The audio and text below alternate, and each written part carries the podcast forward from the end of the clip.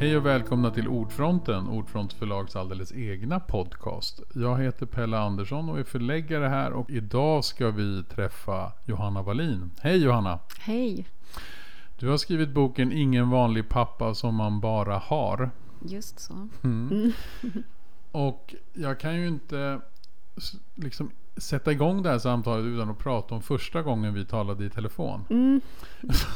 För att när du ringde mig och berättade den här historien så blev jag liksom helt tagen med en gång och kände att det här är en fantastisk historia. Hur, liksom, har, hur länge har du burit på det här att du borde kanske skriva ner den här historien också? Innan du ringde mig liksom. Ja men när vi pratade då var det ju verkligen det hade precis fått sin upplösning tänkte jag i alla fall. Fast mm. egentligen så var det ju då som allt Kanske aldrig rullade får sin igång. upplösning nej, där. Nej men precis. Ja. Mm. Eh, men jag menar den här, den här eh, delen av mitt liv har ju funnits med mig i 40 år.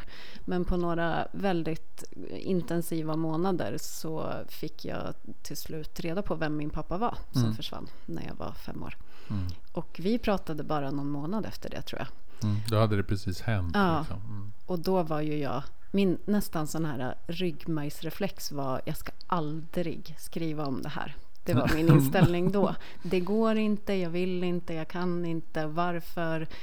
Det var liksom eh, en, en otrolig känsla av skam och eh, jag, vill bara, jag vill bara gömma mig eh, mm. under täcket ungefär och aldrig någonsin prata om det här mer.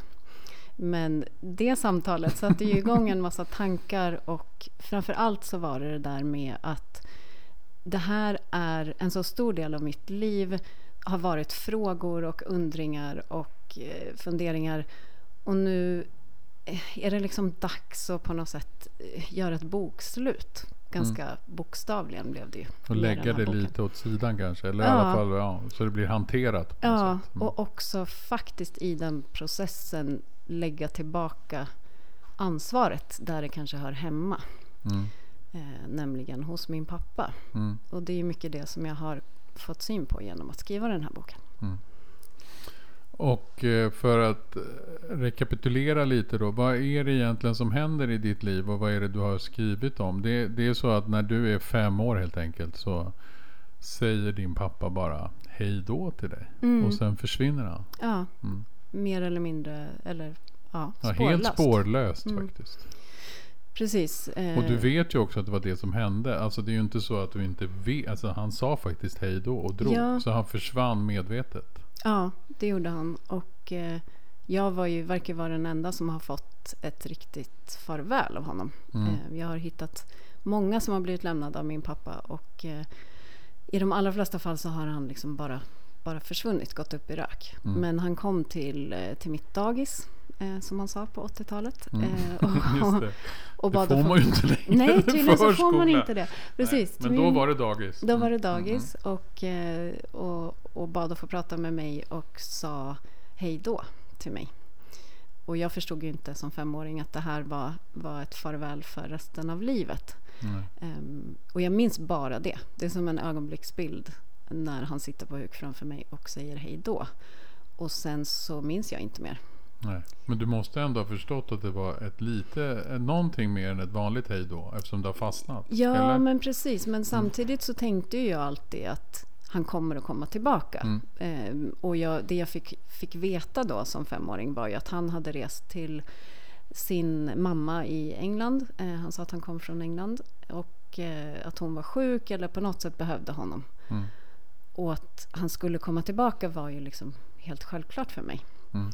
Eh, men tiden gick och, och det blev månader och år och mm. han kom inte tillbaka. Men jag släppte ju inte det Nej, hela om. ditt liv har på något sätt sen ja. kretsat kring detta och ja. att du har sökt honom på något sätt mm. hela tiden. Mm. Jag har sökt honom i ja, men hela mitt vuxna liv i alla fall.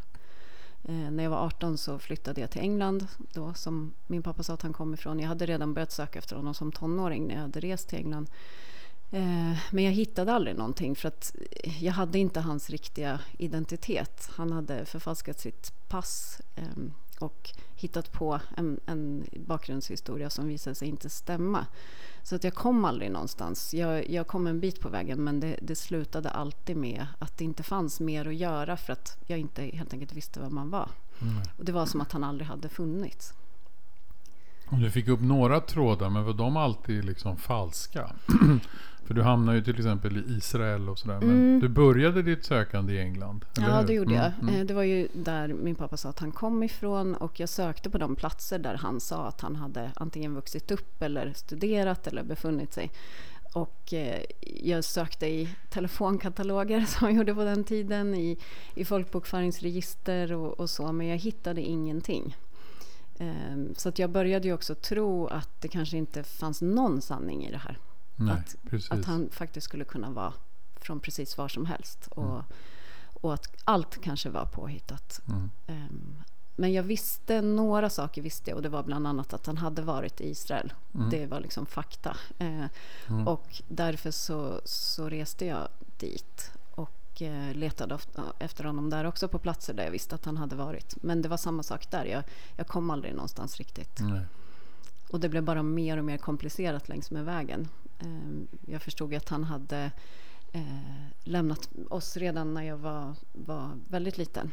Bara några och sen hade han kommit, då hade han ändå kommit tillbaka? Då hade han kommit mm. tillbaka, precis. Och det, det stärkte den här känslan av att han kanske skulle kunna göra det vilken dag som helst igen. Mm, att han bara skulle kliva in genom dörren ja. och så var han där igen. Precis, mm. och jag minns det så himla tydligt när jag var 12 år och vi skulle flytta från den lägenheten där jag är, är uppvuxen och eh, byta adress då och byta telefonnummer och att jag var så orolig över att han inte skulle kunna hitta mig då. Mm. Och då hade det gått sju år. Mm, så du var fortfarande kvar i den Helt, tanken? Mm. ja. Och jag tänkte så här, telefonnumret det måste han kunna utan till För det hade de valt mina föräldrar för att det innehöll mitt födelsedatum. Jaha, okay, ja. Så jag tänkte att det sitter ju liksom. Mm. Eh, men eh, ja, då hade det gått sju år. Och eh, ja, han hade ju kunnat hitta mig han har ju alltid kunnat hitta mig. Mm. Men, Men, man tänker att det måste vara svårt att hålla sig så hemlig. Alltså mm. att man måste vara duktig som, mm. som, om man nu ska säga, som att hålla sig själv anonym eller hålla sig borta. Ja, mm. ja. precis. Och det som jag har förstått är ju att han alltid på något sätt såg sig om över axeln och alltid var orolig över att någon skulle hitta honom. Och, mm. och, om det handlade om, om oss, familjen han hade lämnat eller om det handlade om något annat han flydde ifrån, det vet jag fortfarande inte. Nej. Det har jag inte riktigt kunnat komma, komma fram i. Nej. Men du är också den som mest har sökt, mm. eller, eller hur? Det är ja. så att dina andra då, syskon ute i världen, de har inte varit lika besatta som Nej. du har varit att hitta pappa. Nej. Nej och det är så intressant det där att det har ju aldrig för mig varit ett alternativ överhuvudtaget att jag bara skulle så här, ja men han lämnade, eh, mm. det var hans val, han gjorde så, han, det får stå för honom. Utan för mig så var det alltid helt avgörande att jag skulle träffa honom igen, att jag skulle hitta honom, att jag skulle förstå vad det var som hade hänt. Mm. För för mig var det det fanns liksom en utstakad väg och sen så hände någonting som bröt av och som var fel. Som mm. liksom behövde ställas till rätta igen. Det var Hur så jag tidigt liksom dök den tanken upp hos dig? Alltså när blev det medvetet hos dig att du verkligen måste hitta pappa och inte kunna alltså, stänga av det där? Någonstans så måste det ha varit när jag var ganska liten och började förstå att det finns mer här. Tiden bara går. Eh, de vuxna har samtal som jag inte riktigt får höra. Det är liksom, min mamma var ledsen. Det, är liksom, det, det finns mer här. Mm. Och eh, det var väldigt tydligt för mig att allting kring min pappa var väldigt jobbigt att prata om. Mm. Och därför så blev det så tyst kring det. Mm. Och det var eh. ingenting som din mamma släppte in dig i? Nej, Nej, och jag menar jag försöker också föreställa mig så här, man blir lämnad för andra gången, en mm. månad innan min lilla syster skulle födas. Och hur hur hanterar man det inför sin femåring? Jag, jag vet inte vad som är rätt och, och, fel. Jag vet att det var ett enormt trauma i, mm. i hennes liv och att hon försökte hitta honom hon också på sina vägar men hon fick hon Hon, gjorde det hjälp. också i hemlighet Ja, sätt, men eller? precis. Hon mm. kontaktade ja, svenska ambassaden i London, hon kontaktade den brittiska ambassaden, hon kontaktade polisen. Hon gjorde liksom allt som stod i hennes makt. Men Mm. det var ju samma sak där. Den här personen verkade aldrig ha funnits överhuvudtaget. Vad tror du i dig som gör att du inte kan stänga av det där? alltså, är det något speciellt hos dig? Eller hur har du, Ja, men hur tänker du Ganska det? envis måste jag ju vara eftersom jag på 40 år inte har gett upp. Men sen så tror jag också att apropå de här andra syskonen då som, som jag nu har hittat. Eh, det är ju ett helt rimligt förhållningssätt att ta, inta inför en, en förälder som försvinner. Att man bara inte vill ha någonting med den personen att göra och inte bryr Ja, det sig borde om. ju födas en sån ilska också. Ja, alltså, eller vad man nu ska precis. säga. Vrede. Om, Mm. om du har lämnat mig, då skiter jag i dig. Ungefär Och så, så. lever jag mitt liv. Ja, jag kan inte precis. bry mig mindre om dig än, än, än Mm. så här. Ja. Ja, och så verkar de allra flesta eh, faktiskt ha, ha resonerat. Men Mm. det gjorde ju inte jag. Eh, och för mig så även nu när jag har ändå ganska mycket fakta på bordet, även om det inte är allt, så skulle jag ju också kunna tänka så. Eh, det här var en oförlåtligt och oförståeligt och oförsvarbart det han Mm. gjorde. Men det skulle inte ge mig någonting. Eh, Nej. jag, behöver, jag behöver förstå så Mm. mycket jag, jag någonsin kan. Och jag tror inte att jag, jag kommer att kunna förstå helt och fullt. För att de svaren finns bara hos min pappa egentligen. Och jag vet Mm. inte ens om han hade varit förmögen att ge dem. Eh, men, men så i, i möjligaste mån att försöka förstå vem den här människan var och vad det var som hände i hans liv Mm. som gjorde att det blev så här. Och det är för mig eh, ett sätt att på något sätt gå vidare och liksom hantera det här. Mm. Ilska och, och någon slags fördömande hade inte hjälpt mig, även om jag tycker att det är helt rimligt. Mm. De som, som vill ta, inta den positionen. Men för mig så, så handlar det om att, eh, att eh, förstå vem, vem, göra honom mänsklig helt enkelt. Mm. Och det är också det att bilden du målar upp av din pappa, eller som man förstår att egentligen så hade ju du också en ganska nära, alltså det, känd, det korta tid ni fick tillsammans var ändå väldigt nära och Ja. fin. Precis, och det var ju också därför det krockade så brutalt med det här andra som han då gjorde. Mm. Eh, och det var också därför tror jag som jag gjorde den tolkningen redan som barn att det måste vara någonting som tvingar iväg honom. Mm. Det måste vara så att han, han var tvungen att göra det här. Han ville inte göra det här men Nej. någonting hände. Och eh, det, det måste liksom finnas en anledning eh, som är någonting större. Kanske till och med att det är något farligt, att han gjorde det här för att skydda oss. Alltså många sådana. Mm. Och den, den nästan myten om sig själv byggde ju han upp också genom antydningar. Och liksom, det var väldigt diffust och det var väldigt otydligt men det fanns, det fanns en känsla av att, ja, en viss mystik kring honom helt enkelt.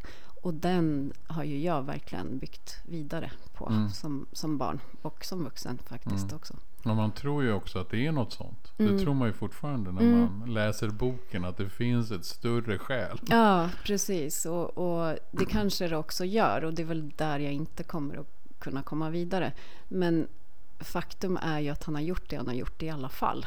Mm. Eh, oavsett vad det än är. Och han hade kunnat meddela sig på något sätt. Han hade kunnat ge oss de här svaren som vi så verkligen akut behövde. Mm. Ja, för det känns ju också som att om det nu fanns det här större skälet, eller om det finns där fortfarande, så tänker man också att då kan det vara onödigt att inleda de relationer Ja. han inleder och Ja. skaffa de barn han skaffar. Verkligen. Ja. Mm. Men det, det verkar han då ändå ha gjort. Han måste ha haft en väldigt stark längtan och han verkar ju ha varit då en, en fin pappa. Mm. Så han ville kanske ändå försöka. Och sen så inser han det. efter ett tag att det här fungerar inte. Mm. Jo, men det, det är väl den tolkningen som jag har gjort också. Att han ville och han försökte och det gick inte och så försökte han igen. Och han var så otroligt närvarande och kärleksfull och engagerad när han var pappa. Mm. Och sen så bara försvann han. Mm. Och det syns ju även på bokens framsida. Mm. Ja, det är en väldigt fin bild där. När din pappa tittar på dig Ja. när du är väldigt liten. Ja, och jag menar jag och det är har... med värme i blicken på något sätt. Man känner det. Det finns Ja, en genuin precis. kärlek. Och det har ju varit så fint för mig ändå. För det är de minnena jag har av min pappa. Jag har jag vet inte, hundratals foton av oss tillsammans och det är precis det. Mm. För mig så är den kärleken så tydlig. Mm. Och naturligtvis har jag tvivlat hundra gånger om och framförallt nu när jag har fått veta att han har gjort alla de här sakerna. Men alla som fanns i vår omgivning har ju också bekräftat den bilden. Mm. Det är liksom ingen som har sagt något annat än att han var precis den där pappan som jag minns. Mm.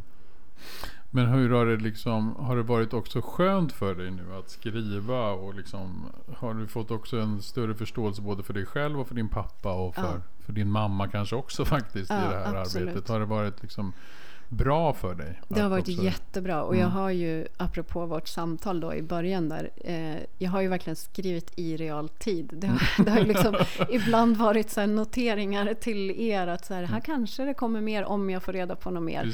Ehm, Så det, det har ju varit ett sätt att på något sätt bearbeta men också så här lägga saker på plats och försöka se vad det egentligen är som har hänt. Det var så oerhört intensivt under de månader som det här sökandet eh, pågick eh, som, som då ledde till att jag till slut nådde fram.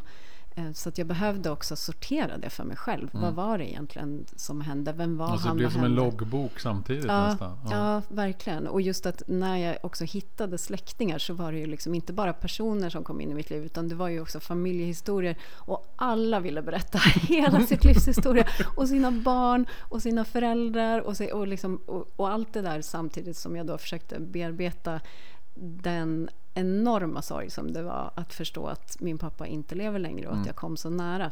Så att jag kände ju också Du att jag, var ju det här på, får jag ta på, på sen. målsnöret på något Ja. sätt, eller hur? Ja, det var ju verkligen. som om att du skulle kunna ha hunnit fram. Ja, eh, och det har jag fortfarande oerhört svårt att förlika mig med. Mm. Att jag kom så nära. Det var nio månader efter att min pappa dog Mm. eh, som jag nådde fram. Och, och att hans liv har, har liksom löpt parallellt med mitt under 40 år. Det, det är väldigt, väldigt svårt. Ja, det är så att- fascinerande. Alltså det är helt obegripligt. För man tänker att med all, ja, idag också. Mm, Alltså, nu är det ju också till viss del den nya tekniken och Ja. de nya sociala medierna som hjälper dig att komma så Precis. nära. Annars hade det kanske inte hänt alls. nej, det tror För jag det är inte. liksom när de här privatspanarna på Flashback Mm. dyker upp som, Mm, som det öppnas massa dörrar och du Mm. plötsligt kan liksom börja få span på din pappa. ja, Mm. verkligen. Och då går det ju ganska fort. Mm, Alltså om man säger 40 år av Mm. undran, letan, resa hit och dit och försöka. Du, du blev ju också kvar i Israel eller Palestina ganska länge, eller hur? ja, jag bodde i, i Palestina i nästan tio år Ja, sammanlagt. och det är ju också på grund av att din Ja. pappa, f- du trodde att du kunde hitta din pappa där. Ja, Mm. visst. Det var ju så jag började överhuvudtaget intressera mig för den frågan. Mm. Och sen reste ner och blev fast. Jag skulle egentligen vara i Palestina då i tre månader. Men, Ja, det blev eh, tio år. Det blev tio år, ja. Lite längre. ja, lite längre. Precis. Och det är ju, jag menar, det fanns ingen koppling egentligen till, Nej. till Israel. Eh, Min pappa hade varit där mycket, men, men att det var någon slags ursprung stämde ju inte. Nej. Mm, Så det, var ju, det lurade ju han mig. Men jag är ju samtidigt jätteglad för att jag, att jag kom dit och att jag fick den, den upplevelsen att mina barn fick det. Mina två äldsta barn är uppvuxna, Mm. uppväxta i, i ett palestinskt flyktingläger. Mm. Eh, och, och den erfarenheten som vi har eh, hade vi inte haft annars. Nej. Så det kanske finns en massa, ja, på något sätt, inget ont som inte har något gott med sig. På Verkligen. något sätt här. Verkligen. Mm. För det har styrt ditt liv. Ja, till, Mm. till stor del har det ju det. De val som jag har gjort eh, har ju präglats väldigt mycket av sökandet efter min pappa. Mm. För det är också helt obe... Även om det nu är så att de sociala medierna har hjälpt dig att hitta honom. Så är det ju nästan obegripligt att han inte har dykt upp Mm. innan, eller hur? Du har Mm. ju ändå sökt och försökt hitta och du har lagt ut massor med trådar och du har spanat och sökt på hans namn. Mm. alltså det och att han inte finns på bild. Alltså eftersom Nej. han är, verkar ju inte vara något, ha något emot att bli fotad. När, Nej. när ni växte upp. Inte, när- inte då, nej, Nej. precis. Men jag har ju förstått av eh, personer som har känt honom senare i livet att han var väldigt orolig för att hamna på bild. Mm. Och de foton som finns på honom så är det, är det många där han halvt vänder sig ur bild eller försöker hålla upp någonting framför ansiktet eller har solglasögon och keps på sig och sådär. Mm. Så eh, det, och det var ju absolut inte, han är ju eh, väldigt glad över att bli fotograferad på 70-talet men, och tidigt 80. Men det har ju förändrats då. Ja, för då åren. kunde man inte få ut dem på nätet på samma sätt som Nej, idag. Så och då var det antagligen- säkrare. Liksom. Precis, och sen så tror jag också att han har väl snärjt in sig mer och mer också under åren som har gått. I fler och bli- fler lögner Ja. och fler och fler eh, familjeband. Ja. Precis, och blivit mer och mer orolig över att bli ertappad eller avslöjad. Mm. Men i, eh, det kommer inte jag ihåg faktiskt. Trots att vi har följt bokprojektet så nära. Vad, Mhm. Vilken ordning var din familj då? Eller du, är du en av de första familjerna han, Ja, som han skapar? Eller vad man nu ska säga. precis. Alltså Och som han jag, förstör. det var ju väldigt eh, smärtsamt att förstå att jag inte var hans första Mm. Nej. barn som jag trodde. Nej. Men jag har en äldre syster som, eh, i England som tyvärr inte lever längre. Hon gick bort i cancer redan 2005. Och sen kan det eventuellt finnas en äldre bror också som jag inte har hittat. Eh, och sen är det jag Mm. och min syster. Mm. Och sen så finns det mm, en yngre bror som jag har hittat och har kontakt med. Mm. Och sen kan det finnas två till. Men där har jag, jag har fotografier på två flickor som eh, han hade bar med sig de fotona Mm. fram till mm, ja, 90-tal någon gång. Eh, men jag vet inte vilka de är. Så det kan finnas, ja det kan ju finnas fler familjer också Ja. som du inte har fått kontakt med. Precis, men jag har ändå det, det återstår ju absolut stora luckor men jag har liksom ändå kunnat kartlägga hans liv på ett ungefär. Mm. eh, Efter att han lämnade också sin, sin ursprungsfamilj och sina syskon på sent 60-tal någon gång. Och sen har de inte hört av honom heller.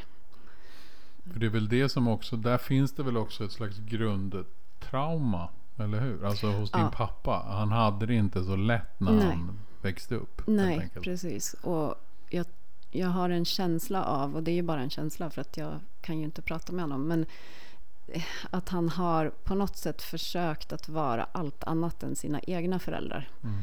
Ehm, men inte till slut lyckats med det då. Eller av, av outgrundlig anledning behövt ge sig iväg. Mm.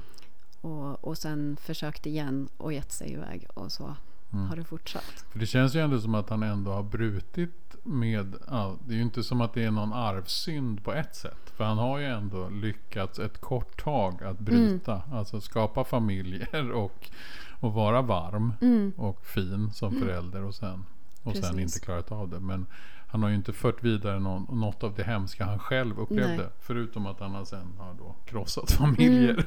som är, är inte så trevligt. Men, Nej. Mm, men, vad, men, eh, men i förståelsen av dig själv då, vad gör det här med dig? Hur upplever du det här sen? Har du, har du fått en annan syn på familj eller hur tänker du kring det här? Nej, men jag tror att jag har alltid känt så att jag följer i min pappas spår och jag försöker på något sätt leva upp till någon slags outtalade förväntningar så att han ska liksom komma tillbaka eller han ska höra av sig eller jag ska liksom förtjäna att vara Mm. ja, du tror hans fortfarande dotter. att det är något sånt? Eller det har funnits Det i har dig funnits- hela tiden? ja. Att det är någonting du har gjort som gjorde Verkligen. att han var tvungen att fly eller sticka? Mm. Ja, och jag tror nästan att det är, alltså, det är väl en, en ganska vanlig slutsats man drar som barn. Att det på något sätt är ens fel, att, att man inte lever upp till föräldrars förväntningar eller vad det nu är för någon, Mm. någonting. Eh, kopplat också till det här att han var, då var tvungen av någon okänd anledning och att hans liv var så mycket mer större och spännande än, än oss. Mm. Ehm, Men i den här processen så har jag ju, ja men dels har jag ju på något sätt skrivit fram honom Mm. i den mån jag kan och förstått att han är en människa. Han är inte den här liksom nästan sagofiguren som Nej. jag har diktat En ihop. vålnad, en- han finns på Ja, riktigt. och någon Mm. slags så här ouppnåelig nästan hjälte som jag då behöver förtjäna att Mm. älskas av på något vis. Ehm, så det är klart att Det det, är bra har... att göra honom till människa. Ja, det är det. Mm, Det är det. mm. Verkligen. Det är väl på tiden också. kan man tycka. Kan man tycka. Eh, Men det är klart att det är mycket i mig som har fallit på plats och framförallt så var det den här insikten om att jag har verkligen gjort allting precis tvärt emot hans regler då antagligen. Mm. Eh, han har ju försökt att gräva ner och gömma och dölja och jag går här och gräver upp allt. eh, och att det som, som jag fick med mig då i mitt eget föräldraskap var ju verkligen att, att bekräfta mina barn hundra gånger om. Eh, Mm. Att de ska alltid veta hur älskade och hur önskade och eh, liksom, eh, Mm. ja, att de ska känna sig trygga i, i, i, i sina liv. Mm. Eh, med vetskap om att jag älskar dem eh, gränslöst och Mm. villkorslöst. Mm. Mm. Så det, det kommer ju också av min egen erfarenhet. Ja, precis. Men känner du också att du nu har börjat få en, en större förståelse på, för dig själv och hur du, hur du mår? Alltså, blir, har du kommit till någon annat lugn i det här nu? Eller? Jo, alltså, men någonstans är det. Jag tror att, att skriva har hjälpt mig väldigt mycket. Eh, samtidigt som det också har skapat en viss distans. Det blir ju så, man, man behöver Precis. se på det ur ett annat perspektiv. Mm. Så att, kanske kommer det ikapp mig också med tiden. Nu, liksom, nu är boken klar och den är ute. Och, och eh, jag, har, jag har en viss distans till liksom hela upplevelsen. Eh, men det händer ju, det kan ju vara liksom i ögonblick verkligen när, när det kommer väldigt, väldigt nära igen. Mm. Och där jag också så inser att det, det är mycket kvar som jag Mm. eh, behöver, behöver på något sätt ja, eh, processa kanske. Eh, bara häromdagen så fick jag syn på, av en slump bara, en bild på min då äldre systers dotter. Och så bara slog det mig att det där är min systerdotter, det där är mina barns kusin. Mm, det är precis. så... det är så abstrakt Ja, det är kanske. så. Mm. väldigt, väldigt märklig känsla. Mm. Och att vi, ja men vi har inte fått veta om varandra. Nej. Och det känns så otroligt onödigt. Mm. Eh, om han inte kunde finnas närvarande, men varför kunde inte vi andra åtminstone få, få ha varandra? Ha Ja, Precis. och liksom ha de här svaren. För det är egentligen det som har varit det stora för mig. Från, frånvaron av svar på vem han var och vad som hände och om jag har funnits med honom. Mm. Eh, Det är han... konstigt också att han inte när han då mot slutet han måste ju ändå ha känt att han inte var helt frisk och Ja. kry. Att han Ja. inte ens då kunde Precis. sträcka ut en hand eller Mm. skicka ett slags meddelande eller Ja. lämna någonting som ett svar. Precis, det är och det- väldigt märkligt. Ja, och det har han ju inte gjort till någon av oss. Ehm, Så att, ja, det enda jag kan tänka är väl att han inte var förmögen till det. Nej. Eh, Och att han på något sätt smet iväg även Ja men då. det är konstigt att man till och med in i det sista håller fast vid Mm. den här myten eller Mm, lögnen på något sätt. Det är så svårt att förstå. Ja. Mm. Men känns det skönt också att ha hittat lite syskon och kusiner och sådär då? absolut. Alltså, ja. ja. Blir det som en ny familj eller blir, alltså det är ju förstås väldigt tidigt fortfarande. Ja, nej men med vissa känner jag som min faster då som Mm. är min pappas eh, yngre syster och som stod honom väldigt nära under Mm. hela deras uppväxt så var det ju en så här omedelbar igenkänning som var helt fantastisk Mm. Ehm, och det, det, så kan det ju bli men det kan ju också vara på, på ett helt annat sätt. Det vet man ju liksom Nej. inte. Jag menar med, med vissa släktingar så är det så tydligt att vi kan tycka jättemycket om varandra och vi kommer att träffas och så. Men vi kommer ju aldrig kunna ta igen 40 år som, Nej, som gick förlorade. Nej, det går ju inte. Eh, och även med då min yngre bror, det är också en, en jättefin relation som vi har. Vi kommer ju aldrig vara syskon. Nej. Men däremot så har vi ju den här gemensamma nämnaren och, och när vi pratar om vår pappa så finns det en närhet som, är, som nästan går att ta på. Mm. Eh, Vi har ju blivit lämnade också på liknande sätt. Mm. Så vi, vi delar många av de erfarenheterna och känslorna kring det.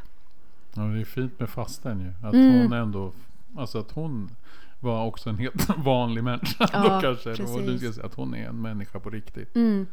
Det är ju Och att hon- fantastiskt. Ja men tog emot oss så Mm. från första sekund. Det är som liksom att hon ingen- också haft en saknad på något Ja, sätt. det tror jag. Väldigt mycket. Hon har ju också letat efter sin bror. Mm. eh, Och hittade honom då under hans sista år, lite Mm. drygt. Men även det under väldigt stränga Mm. restriktioner och förpliktelser. Ja, Ja. Han satte ju helt villkoren för deras relation också. Vad de fick prata om och inte. Och när de skulle höras. Och det var bara han som fick ringa och, och så.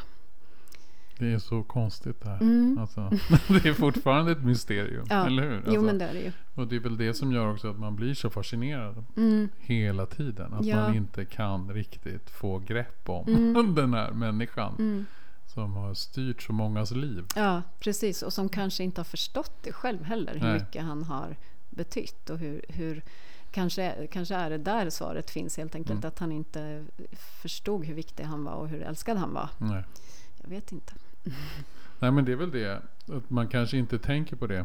Alltså generellt. om människor. Mm.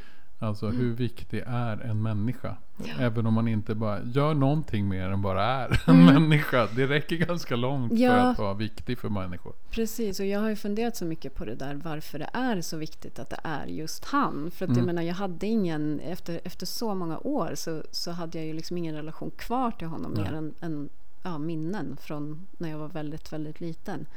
Och jag har ju tänkt många gånger att det skulle kunna vara den där mannen på gatan Mm. eller den där. Men det är någonting med att Ja, att det är han. Att jag behöver hitta just den människan Mm. eh, och få de där svaren. Det har, det har varit en sån grundläggande känsla i mig. Mm. Alltid. Och som ju har drivit mig också i det Mm. här sökandet förstås. Men lite svar har du fått ändå. Mm. Eller hur? Och det är ju ganska skönt. Även om du inte har fått alla svar. Mm. Ja. Jo, men det var också viktigt för mig i att skriva det här. Att visst, det är, det är ett mysterium och det är liksom en, en fascinerande på något sätt livshistoria som han har också. Mm. Och samtidigt så tyckte jag att det blev så tydligt när jag träffade människor som har känt honom under olika perioder i hans liv. Att han också var en människa med liksom Precis. olika sidor uppenbarligen. Mm. Eh, men också jättemånga fina sidor. Mm. Och i det här jättemärkliga så har ändå många upplevt honom som väldigt genuin. Mm. Fast de inser då eft- i efterhand att de faktiskt inte kände honom alls eller visste någonting eller att det bara var lögner. Men ja, en människa som har gjort stort avtryck helt enkelt. Jag tror vi stannar där. Mm. Jättefint. Och det har man ju med. Alltså det har ju räckt till en helt fantastisk bok också. det här Mm, tack. mänskliga. Den här märkliga människan. Mm. Mm, som vi fortfarande inte riktigt då har kommit helt nära. Men vi Nej. har kommit nära. Närmare. Ja, Ja, mm. precis. Tack så hemskt mycket Johanna för att du kom till Ordfronten och pratade om Ingen vanlig pappa som man bara har. Men extra vill jag tacka för att du faktiskt skrev boken och att den blev så himla himla bra. Mm, Tack. tack.